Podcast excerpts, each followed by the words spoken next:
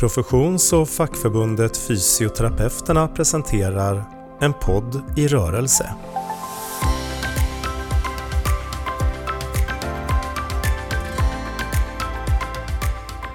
Hej och välkomna till ett nytt avsnitt av Fysioterapeuternas podd En podd i rörelse. Idag ska vi prata om någonting som alltid känns aktuellt och brinnande på något sätt. Det handlar om kompetens och karriär. Det är en viktig fråga för många fysioterapeuter och för många andra professioner också. Och med i samtalet idag så har jag två personer, Karina Persson och Charlotte Crusander. Välkomna båda två. Tack så mycket. Tack så mycket. Eh, jag kommer alldeles strax att presentera er lite mer. Eh, jag blev färdig sjukgymnast för mer än 30 år sedan och har sedan dess haft ett långt yrkesliv. Eh, vi är många som har arbetat länge och vi hoppas att det är många som vill fortsätta arbeta länge. I vårt yrke och i vår legitimation ligger ett ansvar att vara uppdaterade på, på kunskap eh, och på den senaste forskningen. Det är inte alltid enkelt i en arbetsmiljö som inte alltid prioriterar kompetensutveckling och där vissa grupper ibland går före andra. För oss som förbund är det självklart med goda möjligheter till livslångt lärande, till kompetensutveckling under yrkeslivet och möjlighet att göra karriär som fysioterapeut. Som fysioterapeut har man sedan 1993 faktiskt kunnat bli specialist inom sitt kunskapsområde. Idag finns det 17 olika specialistinriktningar och vi anser att det sedan länge är dags för en statligt reglerad specialistutbildning för fysioterapeuter, likväl som det sedan tidigare finns för några andra professioner. Det behövs för tydlighet, jämlikhet och för en tillgång som är liknande över landet. För idag är skillnaderna väldigt stora. Det här ska vi prata om idag, men vi ska också prata om en massa annat. Vi börjar med dig Karina Persson. Du är fysioterapeut och forskare vid Göteborgs universitet och visst är du också överfysioterapeut eller hur är det nu med de där titlarna? Ja, det stämmer, överfysioterapeut. Mm. Mm. Och eh, Charlotte Crusander är också fysioterapeut och jobbar som hälso och sjukvårdspolitisk strateg på Fysioterapeuterna. Mm. Är det någonting mer som eh, vi behöver känna till och mer eh, innan vi börjar samtalet när det gäller vad ni har gjort för någonting eller vad ni har för erfarenheter med det? Ja, men jag, jag kan väl nämna att eh, det livslånga lärandet och arbetet med att utveckla och implementera kompetensmodeller är någonting som har ökat under de senaste åren och där jag har haft möjligheten att vara med i ett par partsgemensamma arbeten. Så det känns jätteroligt att få vara med och berätta lite grann vad, vad vi har sett i, i de här arbetena. Mm. Och jag tänkte faktiskt att vi skulle eh, börja där. Vi tänkte, karriär och kompetens är ju temat för idag, men kan du börja kan du kanske börja med några reflektioner kring vad de här begreppen innebär och vad är viktigt för fysioterapeuter för att göra karriär? Ja, men om vi börjar i den eh, lite teoretiska delen då, vad, vad, är kompetens för någonting? Och jag tror att det kan vara bra att bara stanna upp eh, som individ också kring, och reflektera kring själva begreppet. Och där brukar man säga att kompetensen är ju ett, som en, en samlingsbegrepp för en persons förmåga att tillämpa kunskaper och färdigheter. Eh, så det kan innefattar både praktiska och teoretiska eh, delar och förmågan då att använda det här i, i olika situationer. Man pratar om den reella och den formella kompetensen. Där den formella är det man får av formella utbildningssystemet och den reella det är det vi lär oss egentligen varje dag i olika situationer. Ehm, och eh, när vi pratar om karriär så kan det ha olika betydelse för olika personer. Men jag tror att det, någonstans för alla så innebär det en, en utveckling i arbetslivet som innefattar att man, man får mer ansvar, man eh, eh, gör mer avancerade och komplexa arbetsuppgifter och att det också har en koppling till, eh, till lön och kanske en annan typ av tjänst. Mm. Hur ser du på karriär och kompetenser? Varför är det viktigt att vi pratar om det? Ja, först eh, hur jag ser på kompetens. Eh, jag ser att den behöver vara ändamålsenlig. Eh, den behöver vara av god kvalitet och motsvara de krav som efterfrågas. Jag tänker att som fysioterapeut eller ja, jag jobbar för skatte, invånarna som betalar skatt. Jag behöver göra skillnad, det behöver vara nytta för de patienter som jag möter. De behöver komma i första rummet. Det, jag tänker också på kompetens om anställningsbarhet. Och där tycker jag att de senare åren sticker ut lite grann. Kanske att den inte är lika stark som tidigare tycker jag. Eh, generellt, inte bara bland oss som profession utan andra också. Eh, vad är, det som inte är, vad är det som är skillnad? Anställningsbarheten eller kompetensen? Eh, ja, kompetensen motsvarar inte de kraven så blir man kanske inte så anställningsbar. Och, och det, det beror okay. lite på vad utbildningen satsar på. Men eh, ja, jag, jag har gjort en reflektion där i alla fall. Jag, jag tänker att kompetens, ja det kan handla om kunskap, liksom bara ta kännedom om saker. Men också som Charlotte sa om färdigheter men också en värderingsförmåga och liksom hur, vilket förhållningssätt vi har. Det kan handla om need to know. Eh, och det kan handla om good to know och jag tänker att framförallt need to know måste vi ha för att eh, det handlar inte sällan i vardagen att vi behöver prioritera. Och då behöver vi liksom veta det vi skall veta och det som efterfrågas mm. av oss, tänker jag. Mm. Och eh, karriär, ja, jag tänker så här, i mitt fall så tänker jag, hur, var, varför hamnar jag här, docent nu? Eh, och då var det faktiskt så att det var kompetensen som drev den för mig. Alltså för att jag skulle få svar på mina kliniska frågor så behövde jag ha mer kompetens. Sökte den så långt jag kunde på alla möjliga arenor och kurser men till slut så var det så att nej, jag behövde ha lite mer statistikkompetens. Den fanns då på doktorandutbildningen och på den vägen är det. Ja, mm. och jag tänker att det är en, en utveckling, är det en utvecklingsresa och, och, det är precis som Charlotte sa, ökat ja. ansvar, andra arbetsuppgifter, utvidgade kanske arbetsuppgifter, mer komplexa. Och eh, ja, man får, sen ska man då få betalt för det extra som ligger jämfört med basen om man säger så. Mm. Och jag tror det är viktigt att... Men, ja jag skulle vilja att du utvecklar lite det där med anställningsbarheten för det tyckte jag var jätteintressant. Vad, vad, liksom, vad, vad är det du har span på där när det ja, gäller att det är en mismatch? Är man redo att utföra de uppgifterna som finns i kliniken? Och eh, det är flera professioner som jag ser som behöver mer stöd och stöttning i det när man kommer nu. Där eh, mm. introduktionen behöver vara längre än den tidigare varit. Så att det är någon slags mismatch med eh, den kompetens man mm. kommer ut i när man möter eh, eh, ett universitetssjukhus. Inte alla individer, man kan inte dra alla över en kam, men det är ändå så att jag ser en trend, ett mönster. Och jag vet även att det finns diskussioner på högre ort, liksom, att man pratar om detta. Hur ska vi liksom mm. hjälpa våra nya kollegor och hur ska det vara ett hållbart arbetsliv? Ja, det, det, är känslig mark. Det, det är känsligt där va, så jag vet inte ja. vad jag ska säga. Men, men jag noterar i alla fall när vi ändå pratar om det att det är någonting, ja, det är en reflektion jag gör. Mm. Vad tänker du kring det Charlotte? Är det något du känner igen? Eh, nej, men jag, jag, har, jag har hört det tidigare och jag tror att det är väl eh, Eh, om man tänker sig att vi har, en, vi har en grundutbildning på tre år och sen har vi ett 40-årigt arbetsliv så behöver man, tänker jag i diskussionen, ha med både vad ska, vad ska, in, vad ska grundutbildningen innehålla och vilken typ av eh, lärande behöver vi ha i den fortsatta yrkeslånga eh, resan. Jag tror att det här kommer bli ännu viktigare att diskutera ju snabbare Mm. cirkulation eller vad vi ska säga på kunskap som det är idag. Eh, det man lärde sig på grundutbildningen för fem år sedan, ja men det, det kanske är annat här nu. Det kanske också är någonting som reflekteras i när man kommer ut från utbildningarna. Att det är, det är en snabb kunskapsförändring. Och, och eh, jag tror att eh, det skulle vara nyttigt att eh, föra de här diskussionerna tillsammans. Vilka kompetenser man ska komma ut med från grundutbildningen och hur man ska skaffa sig ett strukturerat eh, livslångt lärande. Mm. Mm. Mm.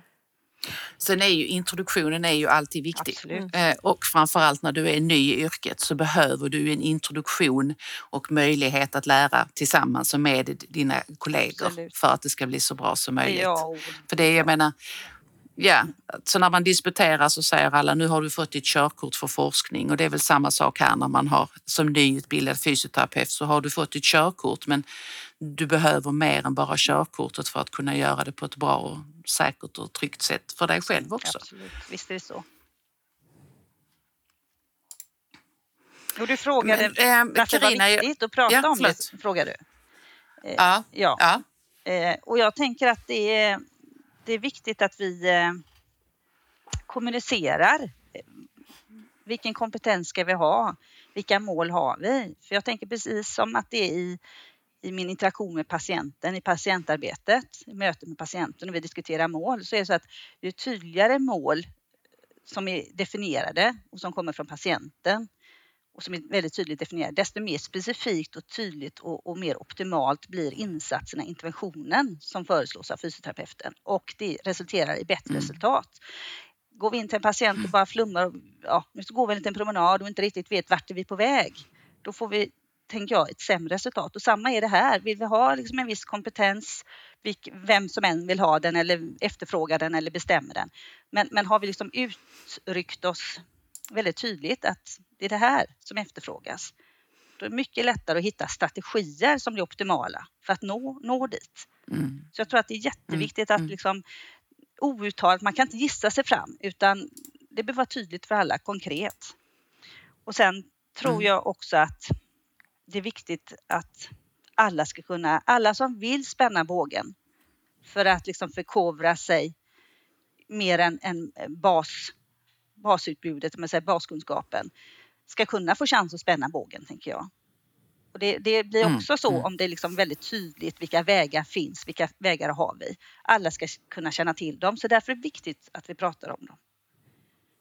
Mm. Ja, det är helt rätt och det är ju viktigt för individen men det är också viktigt för patientsäkerhet och för verksamhet att man liksom ska tillgodose att det finns en god kunskap och kompetens eh, där man befinner sig. Men du Karina, jag nämnde ju här i början att du är överfysioterapeut och det är ju liksom, det är någonting som, som finns på din arbetsplats på Sahlgrenska där man har sedan tid möjlighet eh, till karriärutveckling genom att man har infört de här nya titlarna och jag tror det finns väl någon som är ännu lite längre eller hur det Ja, nu är. precis. Men kan du berätta lite mer om det? His, alltså lite, ja, hur funkar det och hur har det tagits emot? Ja. Och då ställer vi frågan igen, varför tror du detta är viktigt? Eh, ja, jag kan berätta, berätta att det började då 2017. Då införde man det här med överfysiotitlar. Det tror det var våren och så på hösten kom det universitetssjukhus övertitel.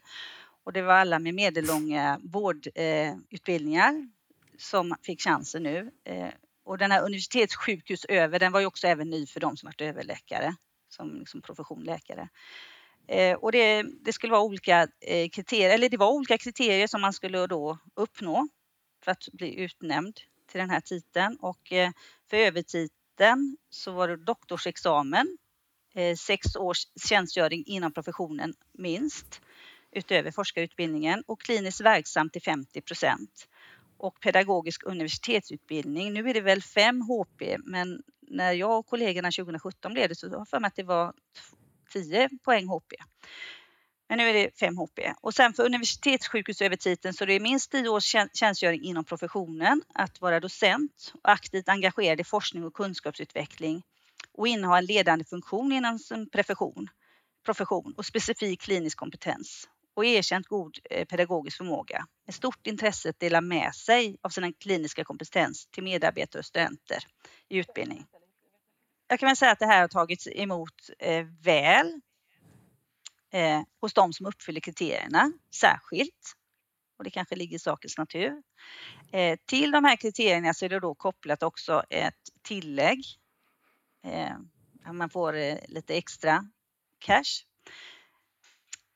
Det är jätteviktigt att man följer de här grejerna förstås från verksamhetens håll, verkställighetsbeslut som blir.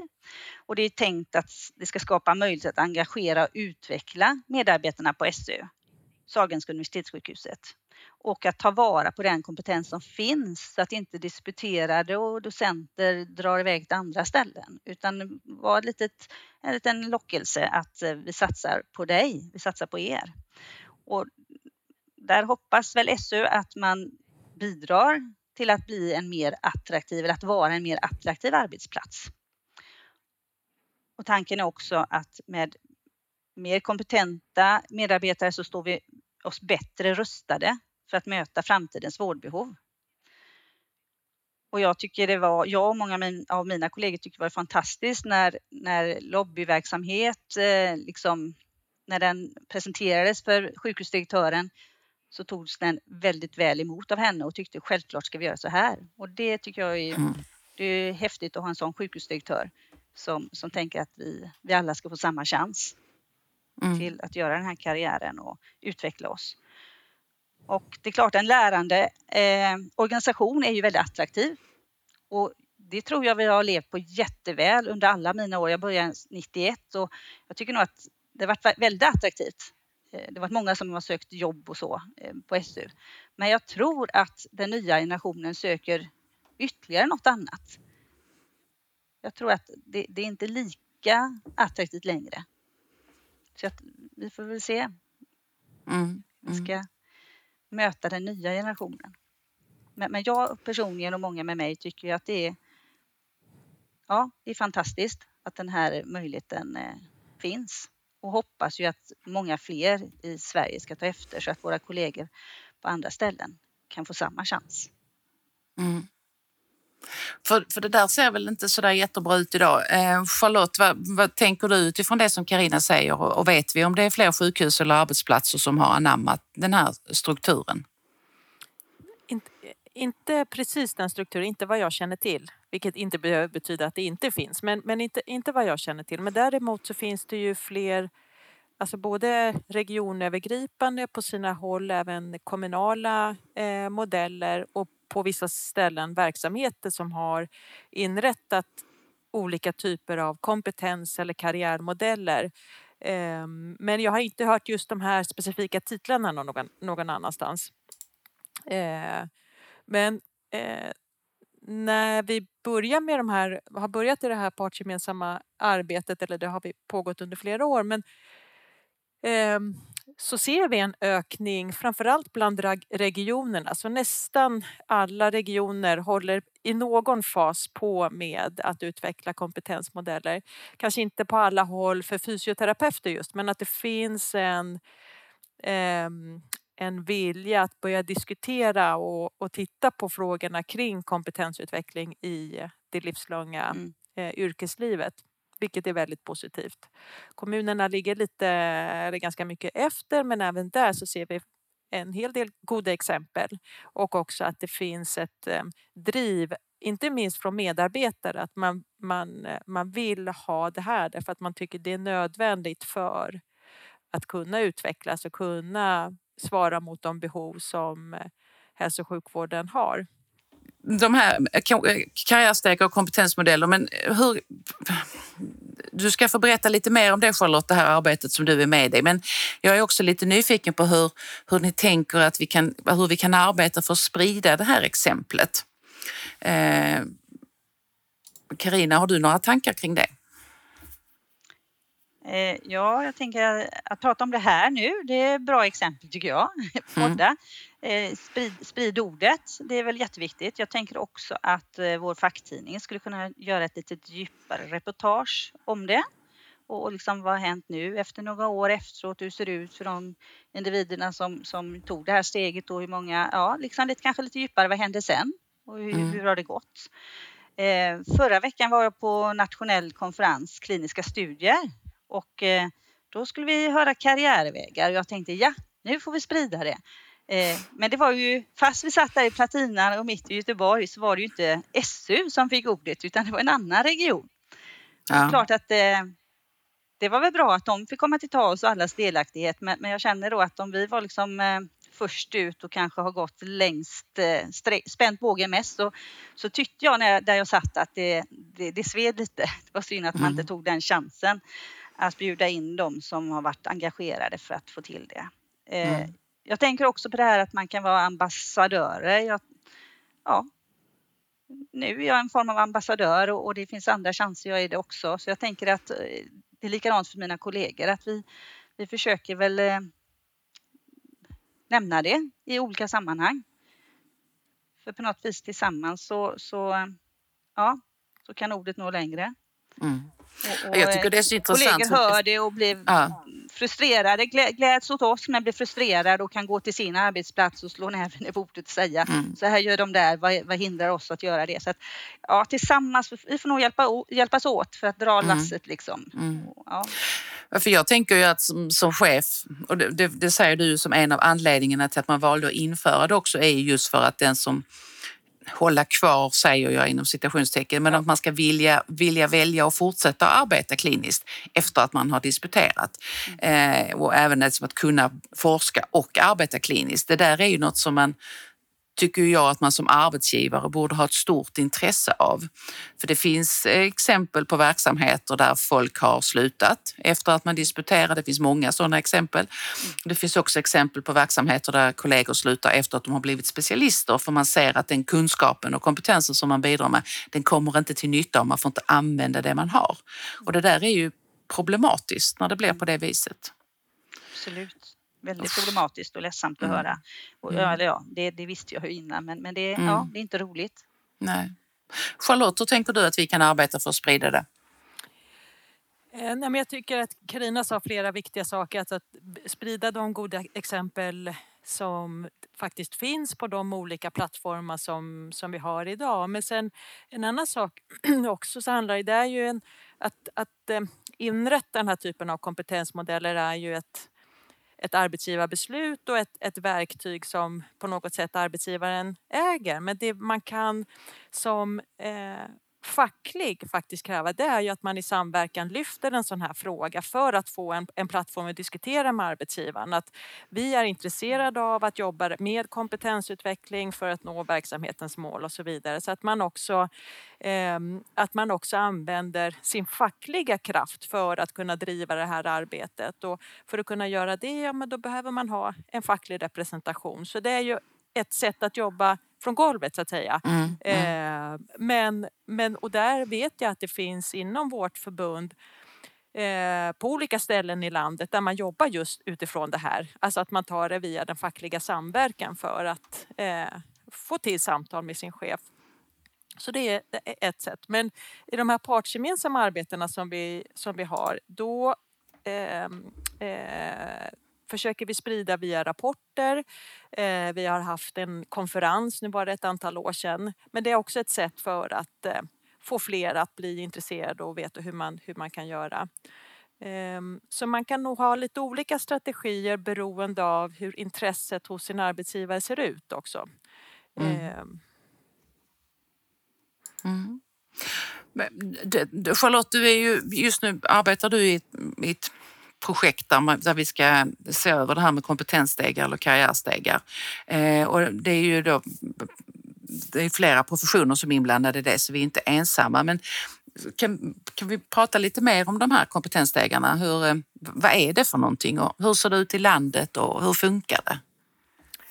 Ja, just vi är lite i slutfasen av det arbetet så jag kanske inte lyfter exempel precis bara därifrån. Men om vi tittar lite mer övergripande då så som sagt så i de allra flesta regioner så pågår det någon form av arbete. Vi eh, märker av genom inflödet frågor till oss på förbundet att det, det, det händer mer eh, ja, men det finns mer aktivitet, mer kunskap både bland medlemmar men också bland arbetsgivare som vill ha stöd och hjälp för att komma vidare. Men ehm, eh, det som jag känner till att man har kommit längst så är det framförallt i storstadsregionerna. Alltså eh, Västra Götaland, eh, Skåne, Stockholm. Eh, men även i, i andra regioner också. Men det, eh, Örebro, eh, Östergötland menar jag. Östergötland har också kommit en bra bit. Mm. På kommunsidan så ser det lite skralare ut men det finns eh, arbete som pågår som har kommit ganska så långt i vissa delar också. Mm. Men om man befinner sig på en arbetsplats och, och så tänker man så här att men vi har ingen sån här Liksom, vad, är en kompetensstege? Det är, visst är det ett, ett strukturerad modell för att beskriva utveckling? Eller? De kan se lite Om- olika ut men om vi Mm. tittar på eh, hur de flesta är upplagda så utgår man från, precis som du säger, en progression i eh, olika kompetenser. Och eh, då i det här så försöker man också förklara både utifrån både reell och formell kompetens. Och så kombinerar man det med till exempel krav på antal år i yrket. Och ehm, eh, i vissa modeller så utgår man från eh, eh specifika kompetenser, alltså kärnkompetenser som är sex kompetenser som, som brukar eh, beskrivas inom hälso och sjukvården. Och utifrån dem då så kan det vara kanske sex till sju olika steg eh, där man för varje kliv eh, har eh, både en utökad formell och reell kompetens. Mm. Mm. Jag tänker att det borde vara intressant för arbetsgivaren också att man har sådana här. För att om man nu liksom har en, en grupp personer som medarbetare så vill man ju ha en spridning i kompetens. Så att man inte har en, en medarbetargrupp där alla ska gå i pension nästa år eller där alla är helt nya. Utan man vill liksom ha den här blandningen. Så, så, beskrivs det också. Det, det, man kan säga är att arbetet är ju inte på något sätt färdigt när man har tagit fram sin kompetensmodell utan då börjar ett, ett omfattande arbete för att, och det här känner du säkert till Karina ännu bättre, för att få in det i verksamheten och att, att den ska användas. Man ska få in medarbetare på de olika stegen och det här kan vara ett, ehm, ett nog så komplicerat arbete. Eh, men Eh, och det, som sagt, du har säkert mer erfarenhet av det, eh, Karina, hur ni har arbetat med, med just den delen. Men ehm, eh, det som vi har fått fram i de här olika intervjuerna handlar många gånger om att arbetsgivaren ser det som ett viktigt verktyg för att kunna rekrytera rätt kompetens, att kunna utveckla kompetensen som finns och att kunna beskriva då vad är det, vilka kompetenser faktiskt behövs. Mm. Vad tänker du Karina? Jo, jag tänker att eh, vår karriärstege den har ju kommunicerats på APT, arbetsplatsträffar och vi tar upp den vid medarbetarsamtalen och diskuterar vad är man här nu och vart är man på väg och hur ska mm. vi, vilka strategier bör vi ha kan vi hjälpas åt från arbets, arbetsgivarhåll och vad, jag, vad, jag, vad är min egna insats? Så jag tycker nog att de är väl, eller den är väl implementerad eh, mm. i verksamheten. Mm. Det är ingen som mm. kan säga att nej, den känner jag inte till utan att den, den finns det som ett, ja, den är levande och med i, i våran process liksom. Mm. mm. Men det tänker jag att det måste vara för annars blir det liksom ett ett dokument i en, i en pärm någonstans eller sparat ja. på i någon server någonstans. Det, det, det, är långt ifrån en, liksom en skrivbordsprodukt utan jag tycker att det är, det är, vi går efter den. Den är konkret och mm. vi följer den. Mm. För det jag också tänker är, bra för de erfarenheterna jag har av att kompetensstegar, där har ju eh, kollegor och fackliga representanter varit väl representerade i arbetet med att plocka fram dem. Jag tänker också att det är någonting som är viktigt för att den ska kännas relevant och för att det ska liksom kännas som att någonting man har nytta av. Mm. Absolut. Mm. Mm.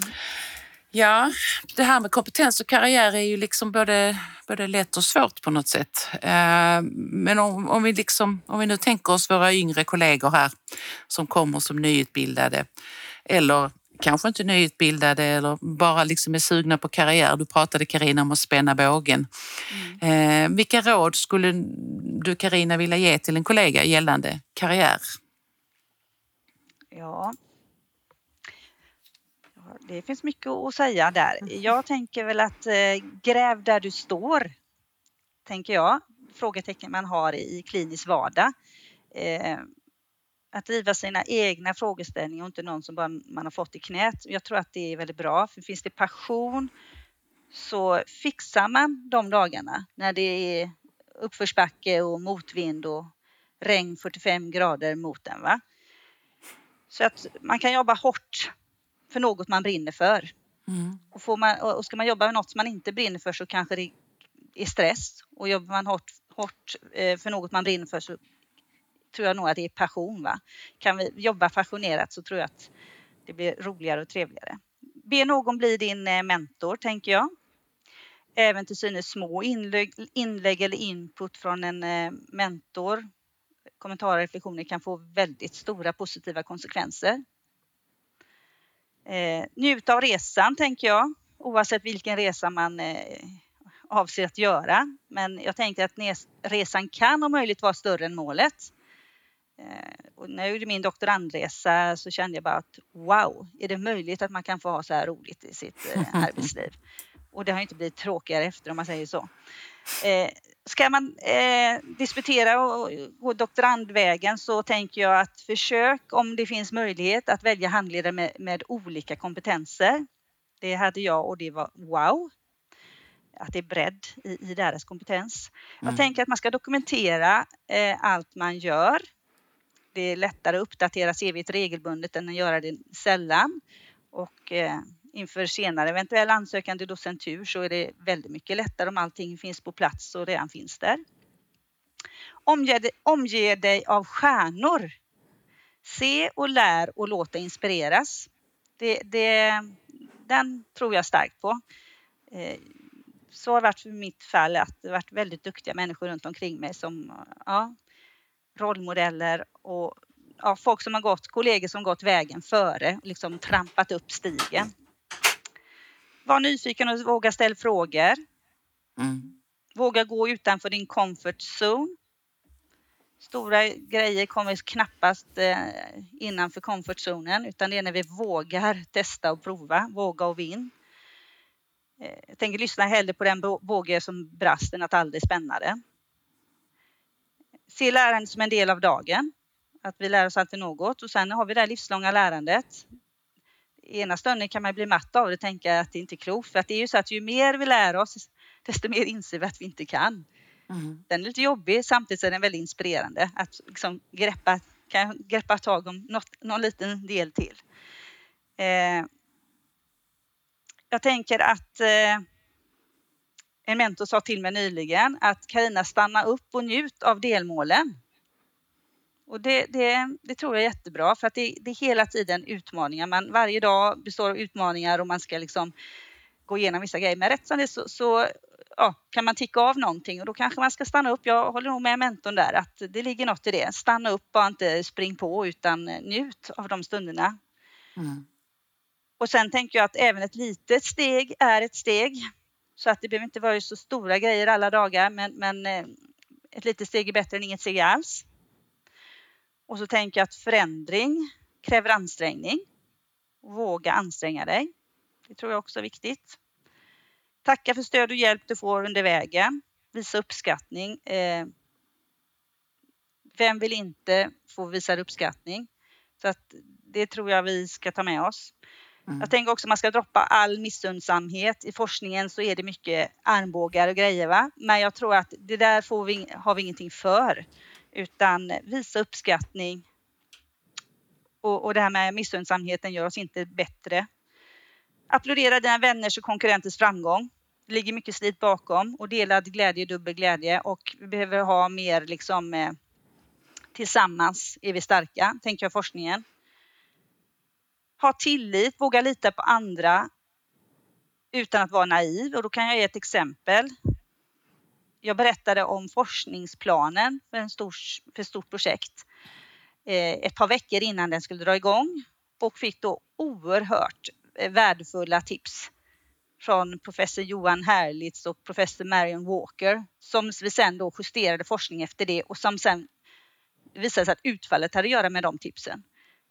Så att, att vara protect, protektionistiskt, eller hur det heter, va? Mm. Det, det lönar sig inte utan eh, blotta sig lite grann, få tips och idéer så kan man bli bättre. Så att, ja, good enough. Det trodde jag nog inte jag skulle sitta och säga här egentligen, men good enough säger jag nu. Eh, det kanske ligger någonting i det där, eh, ja, att eh, det, ska, det ska vara hållbart den här mm. utvecklingen, eh, strävan vi har och liksom driften att vilja bli bättre. Men ibland får vi klappa oss på axeln och säga att det var good enough nu. Mm. Vilka massa bra råd Karina. Mm. Det här har du funderat länge på, det hör jag. Ja, det har jag. Och jag, jag har tre till faktiskt. Ha kul, tänker jag också. Ja. Jätteviktigt att ha kul. Herregud, livet är kort, vi ska ha kul. Och var mm. generös med din kunskap, dela med dig så fort, fort du får chansen. För jag tänker återigen tillsammans, det är tillsammans som vi kan göra den här verkliga skillnaden. För att det är min stora drivkraft i, i, i vad det gäller att införskaffa kompetens och göra så kallad karriär. Det är liksom, drivkraften är att göra skillnad. Göra mm. skillnad för, för, för mitt fall, de som har drabbats av stroke. Och nu är jag inne på eh, levnadsvanor de som har ohälsa kopplat till levnadsvanor. Alltså göra skillnad på riktigt. Det kan, mm. vi, det kan vi göra tillsammans. Då är ensam inte stark. Ja, jättebra. Charlotte, är det något Karina har missat eller är det något råd som du skulle vilja dela med dig av? De kanske är lite torrare, men, men först här då. Välj arbetsgivare med omsorg. Eh, idag är det faktiskt lite mer av arbetstagarens marknad. Se till att du har en arbetsgivare som faktiskt är intresserad av att du ska eh, kunna utvecklas. Eh, använd medarbetar eller utvecklingssamtalet eh, till det här, att berätta vad du skulle vilja göra. Se till att det ligger i eh, i linje med vad som är verksamhetens mål. Men var överens med din chef vilken typ av kompetens som verksamheten behöver, vad du kan bidra med och vad du behöver för att nå dit. Säkerställ att du inte ska behöva sitta på fritiden att göra eh, olika typer av eh, utbildningsaktiviteter och så, utan se till att det, du får göra det på, på din arbetstid. Och sen också ha tidigt en diskussion kring förväntningar när du har uppnått de här målen. Hur ska din tjänst se ut då? Vilket ansvar ska du ha? Vilket kliv i din karriär tänker ni att det här eh, ska leda till? Eh, och sen naturligtvis, alltså, gå på det du tycker är roligt, det du har lust för. Annars så blir det inte hållbart i längden. Men se till att du har arbetsgivare med dig. Mm. Och har du inte det, då är det fel arbetsgivare för dig. Bra. Ja, det är jättebra. Mm. jättebra. Amen. Det är, precis. det var många goda råd där. Uh, innan vi avslutar så har vi en sån här reflektionsfråga. Så slutligen då, om du var socialminister för några dagar, Eh, vilka beslut skulle du fatta för att fysioterapeuter och andra professioner inom hälso och sjukvården ska ges möjlighet till karriär inom yrket? Och då tänker jag Charlotte att du skulle få börja svara på den frågan. Ja, ja men vad härligt. eh, na, jag, jag, skulle fatta beslut om att ehm, eh, det blir en statlig reglering av de specialistordningar och utbildningar som flera eh, professionsförbund driver idag. Det handlar både om eh, möjligheten att eh, eh, kunna göra karriär men också för legitimitet för, för den kompetensen vi har. Så det skulle jag göra. Mm. Bra, det var ett enkelt och snabbt slut. Mm. Det hoppas vi att socialministern fattar inom kort. Karina, mm. eh, vad skulle du fatta för beslut? Ja, det är väl att, att, att prata inför öppet mål, jag säga, men, men det är självklart förstatligande av vår specialistutbildning, ja. Det, mm. det, det, ska, det är alldeles för dåligt, dåligt med, det finns inte samma förutsättningar beroende på var i landet. Vi ska ha samma tillgång till specialister. Så att absolut, där har vi stått eh, först på dagordningen där just med karriären. Men hade jag liksom fått eh, ha tjänsten så skulle jag också tänkt på eh, stärka livet efter stroke. Ökad tillgång till lång, eh, lång, långtidsuppföljning och rehabilitering och stöd och uppföljning av individer som har drabbats av stroke. För ett räddat liv är ett liv värt att, eh, att, ett liv värt att leva. Så jag har jobbat för det och gärna någon eh, karriärsmöjlighet för våra, vår profession där också. Mm. Och självklart så hade jag jobbat för ökad budget till eh, hälsopromotion levnadsvanearbetet, mer rörelse, mer fysisk aktivitet in i grundskolan. Det ska vara lätt att göra rätt och vad, vad kan vara viktigare än att eh, lära barnen eh, god hälsa, hållbart liv? Och, nej, så att eh, det skulle jag passa på att göra. Mm. Mm. Det är bra. Det är många bra beslut där. Så att en ökad satsning på hälsofrämjande insatser, framförallt riktat mot barn, ökade satsningar på rehabilitering och en statligt reglerad specialistutbildning. Hoppas vi att socialministern lyssnar på det här. Ja. Eh, tack ska ni ha för ett jättebra samtal. Tack själv. Tack själv. En podd i rörelse presenterades av Fysioterapeuterna.